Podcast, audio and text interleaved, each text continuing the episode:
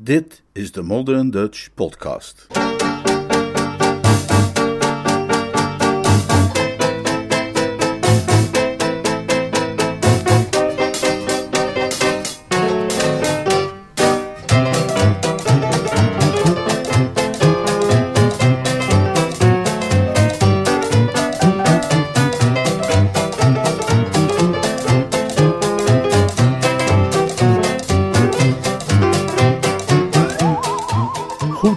Jeeves.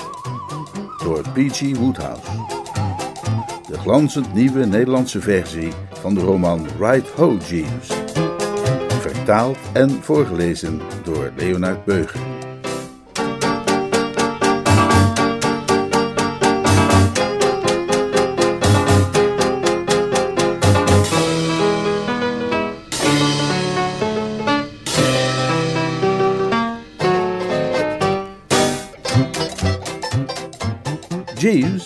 Zei ik, vind je het goed als ik open kaart met je speel? Vanzelfsprekend, meneer. Wat ik te zeggen heb, zou je wellicht als kwetsend kunnen ervaren. Volstrekt niet, meneer. Nou, goed dan. Maar nee, wacht even. Blijf nog een ogenblikje aan de lijn. Ik dreig te ontsporen. Ik weet niet of u dat ook wel eens zo heeft ervaren, maar waar ik altijd tegenop loop wanneer ik een verhaal probeer te vertellen, is de verdraaid lastige vraag waar je dan eigenlijk moet beginnen. Dat wil je absoluut niet verkeerd doen, want dan hang je al meteen. Ik bedoel, als je te lang treuzelt op de eerste meters, omdat je eerst wat sfeer wilt scheppen en dat soort flauwekul meer, zeg maar, dan weet je de klanten gegarandeerd niet te boeien en laten ze je staan. Maar aan de andere kant, als je er vanaf het begin van doorgaat als een kat een knijper op zijn staart, staat je publiek ook maar wat verdwaasd te kijken. Dan haalt het de schouders op omdat het geen idee heeft waar je het over hebt.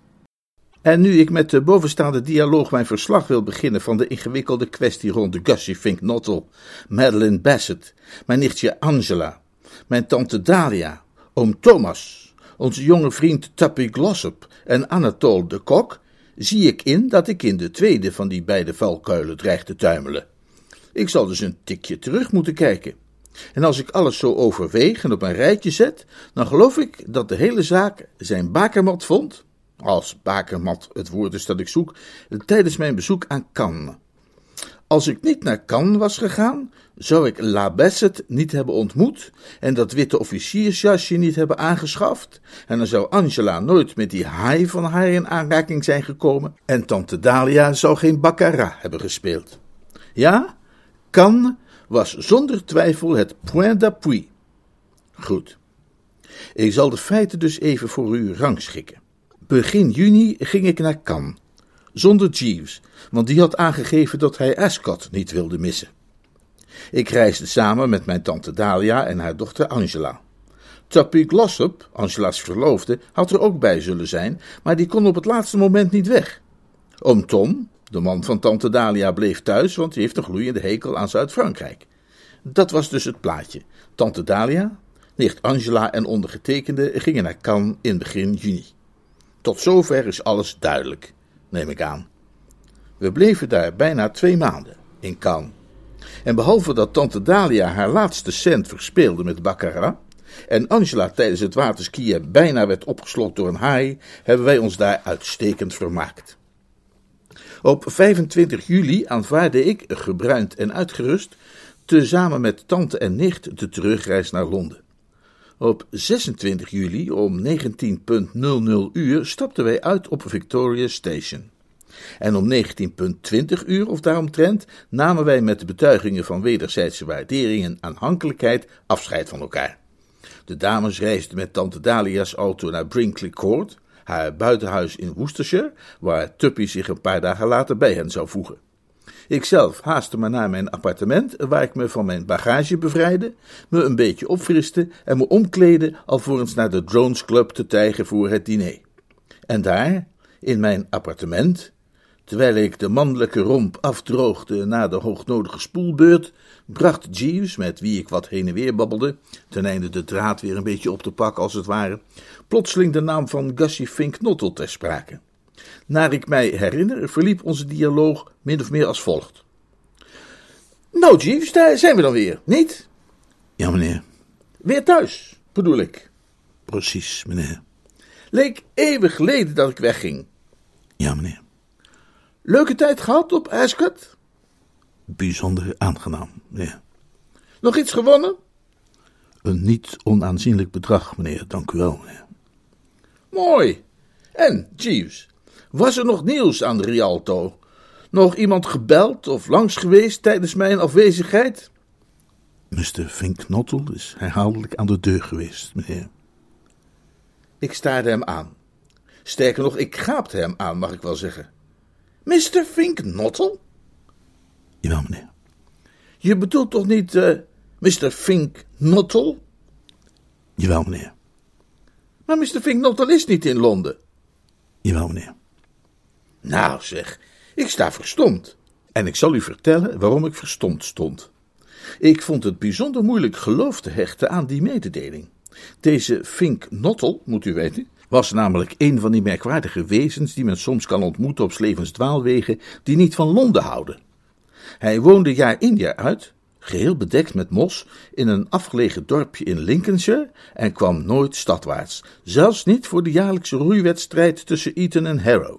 En toen ik hem eens vroeg of hij zich daar ginder nou nooit te stierlijk verveelde, antwoordde hij wel nee, want hij had daar een vijver in zijn tuin en bestudeerde de levensgewoonten der watersalamanders. Ik kon me niet voorstellen wat deze knaap ditmaal naar de grote stad had gebracht. Ik had durven wedden dat zolang de voorraad watersalamanders niet was uitgeput, niets hem uit dat dorp van hem had kunnen weglokken. Weet je dat zeker? Ja, meneer. En je hebt de naam goed, hè? Fink Nottel. Ja, meneer. Ja, dat is dan wel heel merkwaardig. Het moet meer dan vijf jaar geleden zijn dat hij voor het laatst in Londen is geweest. Hij laat er geen misverstand over bestaan dat hij gruwelt van de grote stad. Hij is tot nu toe altijd verkleefd geweest aan het platteland, volledig omgeven door watersalamanders. Nee. Watersalamanders, Jeeves. Mr. Fink Nottel heeft een sterk watersalamandercomplex. Die ken je toch wel, watersalamanders? Van die kleine hagedisachtige beestjes die je altijd in vijvers ziet zitten. O ja, zeker, meneer. De amfibische leden van de Salamandridae-familie die tezamen het genus molgen vormen. Uh, precies. Nou, daar is Kusje dus altijd verslaafd aan geweest. Op kostschool hield hij die beestjes al. Dat is bij vele jonge heren het geval, naar ik begrijp, meneer. Hij had ze op zijn kamer in een soort aquariumtoestand. En dat stonk behoorlijk, weet ik nog wel. We hadden natuurlijk toen al moeten zien waar dat later op zou uitdraaien. Maar ja, je weet hoe jongens zijn, hè?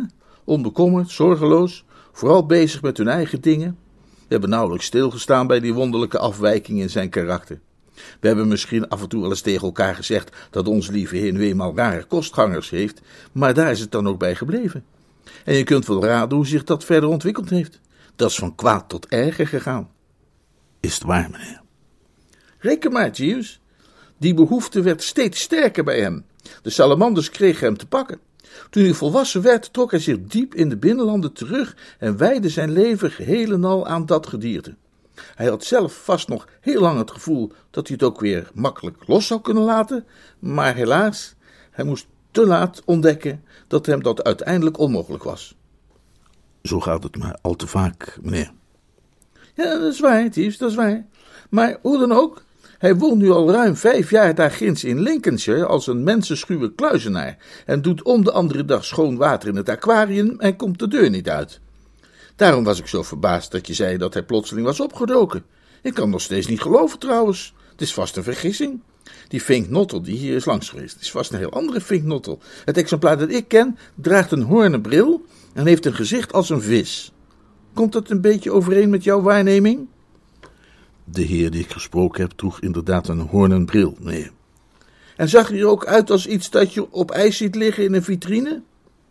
Er ging wellicht een wat vissige indruk van hem uit, dat is correct, meneer. Dan moet het toch wel Gussie zijn, neem ik aan. Maar wat kan hem in hemelsnaam bewogen hebben om naar Londen te komen? Dat kan ik u verklaren, meneer. Mr. Vingnottel heeft mij in vertrouwen genomen omtrent de motivering van zijn bezoek aan de metropool. Hij is hier vanwege de jonge dame. Jonge dame? Ja, meneer. Je bedoelt toch niet dat hij verliefd is? Jawel, meneer. Nou, Daar sta ik toch van te kijken. Ja, daar, daar sta ik nou echt van te kijken. Daar, daar sta ik nu werkelijk van te kijken, Jeeves. En dat was ook zo. Ik bedoel, een geintje is best, maar er zijn grenzen. Vervolgens trof mij nog een ander aspect van deze merkwaardige geschiedenis. Aangenomen dat Gussie Fink Nottel inderdaad geheel en al tegen de voorschriften in verliefd was geworden, waarom zou hij zelfs dan zo nodig mijn deur willen platlopen? Het was uiteraard wel het soort gelegenheid waarbij men de raad van een vriend kan gebruiken, maar ik snapte niet waarom hij mij daarvoor had uitgekozen. Wij waren wel vrienden, maar nu ook weer niet echt boezem. Ooit waren we veel met elkaar omgegaan, dat is waar, maar de laatste twee jaar bijvoorbeeld had ik nog geen briefkaartje van hem ontvangen. Ik legde die kwestie aan Jeeves voor. Mal, dat hij dan naar mij toe komt, maar goed. Als dat zo is, dan is dat zo. Daar valt niets op te zeggen. Het moet een lelijke tegenvaller geweest zijn voor de arme getroffene om te moeten horen dat ik er niet was. Allerminst, meneer. Mr. Finknottel kwam niet om u te spreken, meneer. Uh, even terug langs af, Jeeves. Je beweert juist de hele tijd dat hij dat bij herhaling heeft gedaan. Het was evenwel met mij dat hij contact zocht, meneer. Met jou? Ik wist helemaal niet dat je hem kende. Dat genoegen had ik ook niet, meneer, totdat hij hier aanbelde. Het schijnt dat Mr. Sippely, samen met wie Mr. Finknottel heeft gestudeerd, hem had aanbevolen zijn probleem aan mij voor te leggen. Het raadsel was opgelost. Het lag klaar voor de hand. Zoals u ongetwijfeld weet, bezit Jeeves onder kenners een aanzienlijke reputatie als raadgever.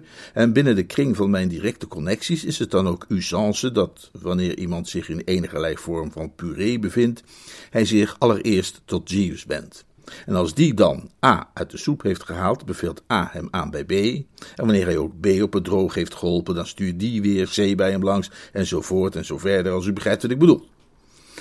Zo groeit dat soort succesvolle adviseurspraktijken als die van Jeeves. Ik wist dat onze brave Sippy zeer onder de indruk was geweest van de inspanningen die Jeeves voor hem had verricht in die periode dat hij Elizabeth Moon aan de haak wilde slaan. Dus het was niet zo verbazingwekkend dat hij Gussie had aanbevolen eveneens bij hem te raden te gaan. Standaardprocedure zou je kunnen zeggen. Ah, dus jij kleit een klusje voor hem? Ja, meneer. Ja, nee, dan snap ik het. Nu kan ik je volgen. En wat is dan wel Gussie's probleem? Vreemd genoeg, meneer, gaat het om een identieke kwestie als waarin ik Mr. Sippely mocht bijstaan. U zult zich de inconveniëntie herinneren waarin Mr. Sippely verkeerde, meneer. Hoezeer hij ook Miss Moon was toegenegen, verhinderde een diep gewortelde verlegenheid hem zich ten opzichte van haar op dat punt te uiten. Ik knikte. Ja, dat weet ik nog. Ik herinner me de zaak Sipperly heel goed. Hij wist zichzelf er niet toe te brengen. Hm? De moed zonk hem voortdurend in de schoenen. Ik weet nog hoe je zei dat hij, hoe was het ook weer, iets liet volgen op iets anders. Er kwamen katten in voor, als ik me niet vergis. Hij liet ik durf niet volgen op ook wilde, meneer. Precies. Maar hoe zat het dan met die katten? Als de arme kat in het spreekwoord, meneer. Juist. Ik snap gewoon niet waar je dat soort dingen telkens weer vandaan haalt, maar goed. Volgens jou heeft Gussie dus hetzelfde probleem. Ja, meneer. Telkens wanneer hij een huwelijksaanzoek wil doen, ontzinkt hem de moed. Maar ja, als zij dat meisje wil trouwen, dan zal je dat toch een keer tegen haar moeten zeggen, niet? Ik bedoel, kwestie van beleefdheid. Inderdaad, meneer. Ik peinsde even. Ja, het zat er natuurlijk wel in, Jeeves. Ik had eigenlijk niet gedacht dat onze Fink Nottel ooit ten prooi zou vallen aan het minnevuur, maar nu het zo is, verbaast het me niets dat hij daar niet zo handig mee weet om te gaan. Inderdaad, meneer. Kijk alleen maar eens wat voor leven hij heeft geleid. Inderdaad, meneer. Ik denk dat hij in geen jaren zelfs maar met een meisje heeft gesproken. Wat een les is dat voor ons allen, niet waar, Jeeves? Om onszelf niet van de wereld af te sluiten op het platteland en in aquaria te gaan zitten turen. Als je dat soort dingen doet, kun je niet tevens de stoere bink zijn, hè? Je hebt twee opties in het leven. Ofwel je trekt je terug op het platteland en gaat in een aquarium zitten koekeloeren, ofwel je gaat achter de meiden aan. Het is één van de twee. Dat kan niet allebei. Inderdaad, meneer. Ik pijn ze nog wat verder. Gusje en ik hadden elkaar, zoals ik al zei, een beetje uit het oog verloren de laatste jaren. Maar toch ging de arme platvis me wel aan het hart. Ik heb dat met al mijn vrienden, boezem of niet, wanneer ze dreigen uit te glijden over Slevens bananenschillen. En het leek me dat hem dat nu overkwam. Ik dacht terug aan de laatste keer dat ik hem had gezien, een jaar of twee geleden was dat. Tijdens een tochtje met de auto was ik bij hem langs gegaan en hij had me bij die gelegenheid de eetlust volkomen bedorven door aan de lunchtafel te verschijnen met een paar glibberige groene dingen met pootjes die hij koesterde als een jonge moeder haar kind, maar waarvan er uiteindelijk één in de slavendwaal raakte. Die herinnering sterkte niet erg mijn vertrouwen in zijn vermogen het hart ener deerne te winnen, moet ik zeggen.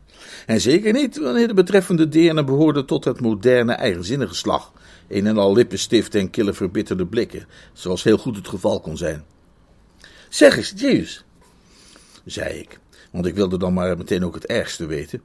Uh, wat voor soort meisje is dat meisje van Gussie?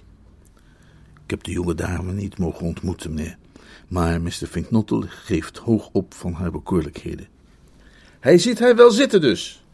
Ja, meneer. Heeft hij ook gezegd hoe ze heet? Misschien ken ik haar wel. Het gaat om ene Miss Bassett, meneer. Miss Madeline Bassett. Wat? Ja, meneer. Dat intrigeerde mij bijzonder. Grote genade, jeez, hoe bestaat het? Het is toch maar een kleine wereld, vind je ook niet? U bent met de jonge dame bekend, meneer? Ha, ik ken haar al te goed. En je nieuws betekent een hele opluchting voor mij. De hele zaak begint er meteen een stuk realistischer uit te zien. Ik zou haast durven spreken van een gunstige haalbaarheidsfactor. Werkelijk, meneer? Absoluut. Ik moet bekennen dat voordat je me die info verstrekte, ik sterke twijfels had voor wat betreft Gussie's kansen op de huwelijksmarkt. Je zult met me eens zijn dat hij niet bij alle huwbare jonge dochters direct in de smaak zal vallen. Daar zou u wellicht gelijk in kunnen hebben, meneer. Cleopatra zou hem niet uh, willen hebben? Mogelijkerwijze niet, meneer. En ik betwijfel of hij het goed zou doen bij Tallulah Bankhead. Inderdaad, meneer. Maar nu je me vertelt dat Miss Bassett het voorwerp is van zijn genegenheid, Jeeves, begint er toch weer wat hoop te dagen. Hij is precies het type dat een meisje als Madeline Bassett gretig zou willen binnenhalen. Dit Bassett-geval, moet ik even uitleggen, was tegelijkertijd met ons in Cannes geweest en had hij zo'n hevige vriendschap gesloten met mijn nicht Angela als meisjes vaak doen. Daardoor had ik haar veel gezien. Sterker nog, op mijn minder vrolijke momenten had het mij soms geleken dat ik gewoon geen stap kon doen zonder dat kind tegen het lijf te lopen. En wat het nogal pijnlijk en zorgwekkend maakte, was dat hoe vaker ik haar tegenkwam, hoe minder ik kon bedenken om tegen haar te zeggen. U weet hoe het is met sommige meisjes. Ze geven je een compleet leeg gevoel. Ik bedoel, er is iets in hun persoonlijkheid dat de stembanden verlamt en de schedelinhoud reduceert tot bloemkool. Dat, dat effect had die Bassett in elk geval op mij. En wel zozeer dat er gelegenheden zijn geweest waarbij men Bertram Woester in haar bijzijn minutenlang kon zien frunniken aan zijn das en schuifelen met zijn voeten en ook in alle andere opzichten zich kon zien gedragen als een complete halve garen. U kunt zich dan ook voorstellen dat toen zij twee weken eerder vertrok dan wij, dat naar Bertrams mening werkelijk geen dag te vroeg was. En het was echt niet haar schoonheid die mij dusdanig verlamde. Mooi was ze wel, als je houdt van druilerig, blond en grootoogig, maar nu ook weer niet zo adembenemend dat het je de adem beneemt. Nee, de oorzaak van deze incapacitatie bij iemand die gewoonlijk toch een vlotte babbel heeft bij vertegenwoordigers van het andere geslacht, lag in haar gehele mentale instelling. Nou, ik wil niemand onrecht aandoen, dus ik zal niet zo ver gaan te beweren dat ze ook werkelijk poëzie schreef. Maar de dingen die ze zei gaven naar mijn idee toch wel nadrukkelijk aanleiding tot de ergste vermoedens. Nou ja, ik bedoel maar, als een meisje je zomaar vanuit het niets vraagt of jij niet ook wel eens het gevoel hebt dat de sterren eigenlijk Gods madeliefjeskrans zijn. Hm? Nou, dan geef je dat toch wel te denken. Een versmelting van haar ziel met de mijne zat er daarom niet in. Maar wat Kussie betrof, zag dat er natuurlijk heel anders uit. Waar ik volledig op afknapte, namelijk dat dit kind duidelijk overliep van idealen en sentimenten en dat soort dingen, was wat Gussie betrof precies haar charme. Gussie was altijd al een dromerig, gevoelvol type geweest. Als je je op het platteland verscholen houdt in een bestaan gewijd aan watersalamanders, kan dat ook niet anders. En het leek mij dat als hij op de een of andere manier de gefluisterde, vurige vraag over zijn lippen zou kunnen krijgen, La Bassett en hij een koppel zouden kunnen vormen als peper en zout. Zij is helemaal het type voor hem, zei ik. Het doet me genoegen dat te horen. En hij is helemaal het type voor haar. Kortom, dit is een goede zaak die onze volledige ondersteuning verdient. Doe je uiterste best, Jeeves. Uitstekend, meneer, antwoordde de brave kerel. Ik zal er dadelijk voor zorg dragen. Tot op dit moment, en daar zult u het ongetwijfeld mee eens zijn, hadden uitsluitend harmonie en eendracht onder ons geheerst. Wat vriendelijk gekeuvel tussen werkgever en werknemer en alles krul aan. Maar thans, moet ik u tot mijn spijt vertellen, vond er een onaangename ommezwaai plaats. De sfeer betrok, donkere wolken pakten zich samen, en voor ik wist waar we aan toe waren, sloop er een kille toon in onze conversatie. Het is iets dat vaker is voorgekomen in Huizen Woester. De eerste aankondiging dat er iets mis dreigde te gaan, was een gebelgd en misprijzend kuchje dat opklonk van tapijthoogte. Ik moet namelijk even uitleggen dat ik mij tijdens de vorige dialoog, nadat ik mij had afgedroogd, op mijn gemak had staan aankleden. Hier een sok, daar een schoen, om langzamerhand tot hemd, vest en das te geraken. Terwijl Jeeves intussen op vloerniveau mijn koffer aan het uitpakken was. Nu stond hij echter op, met een wit voorwerp in de handen. Bij die aanblik besefte ik dat een nieuwe huiselijke crisis was geboren. Weer zo'n ongelukkige botsing tussen twee wilskrachtige naturen, waarbij Bertram het onderspit zou delven, tenzij hij zich zijn strijdlustige voorouders in herinnering riep en opkwam voor zijn rechten. Ik weet niet of u deze zomer in Cannes bent geweest. Als dat het geval was, dan zult u zich herinneren dat iedereen met enige ambitie om tot de crème van de zomergasten te behoren, de festiviteiten in het casino bezocht in een normale smokingpantalon, die echter in het noorden werd bekroond door een witte mesjacket, zo'n wit officiersjasje met koperen knopen. En al sinds ik op het station van Cannes aan boord gestapt was van de Train Bleu, had ik mij afgevraagd hoe dat jasje zou vallen bij Jeeves. U moet namelijk weten dat Jeeves, wanneer het om avondkleding gaat, bijzonder traditionalistisch, om niet te zeggen uitgesproken reactionair is. Ik heb al eerder problemen met hem gehad rond overhemden met slappe boorden. En hoewel zulke officiersjasjes aan de Côte d'Azur, zoals ik al zei, helemaal tussen Kilia de chic waren, had ik nooit voor mezelf kunnen verhullen, zelfs al niet terwijl ik op de dansvloer stond in het Palm Beach Casino in het exemplaar dat ik mij had gehaast aan te schaffen, dat ik daar thuis wel eens gedonder mee zou kunnen krijgen. Ik nam mij voor voet bij stuk te houden. Ja, Jeeves, zei ik. Maar hoewel mijn stem zijn hoffelijke klank behield, zou een geoefend waarnemer, die gelegenheid had om mijn ogen te observeren, daarin een stalen glans hebben ontwaard.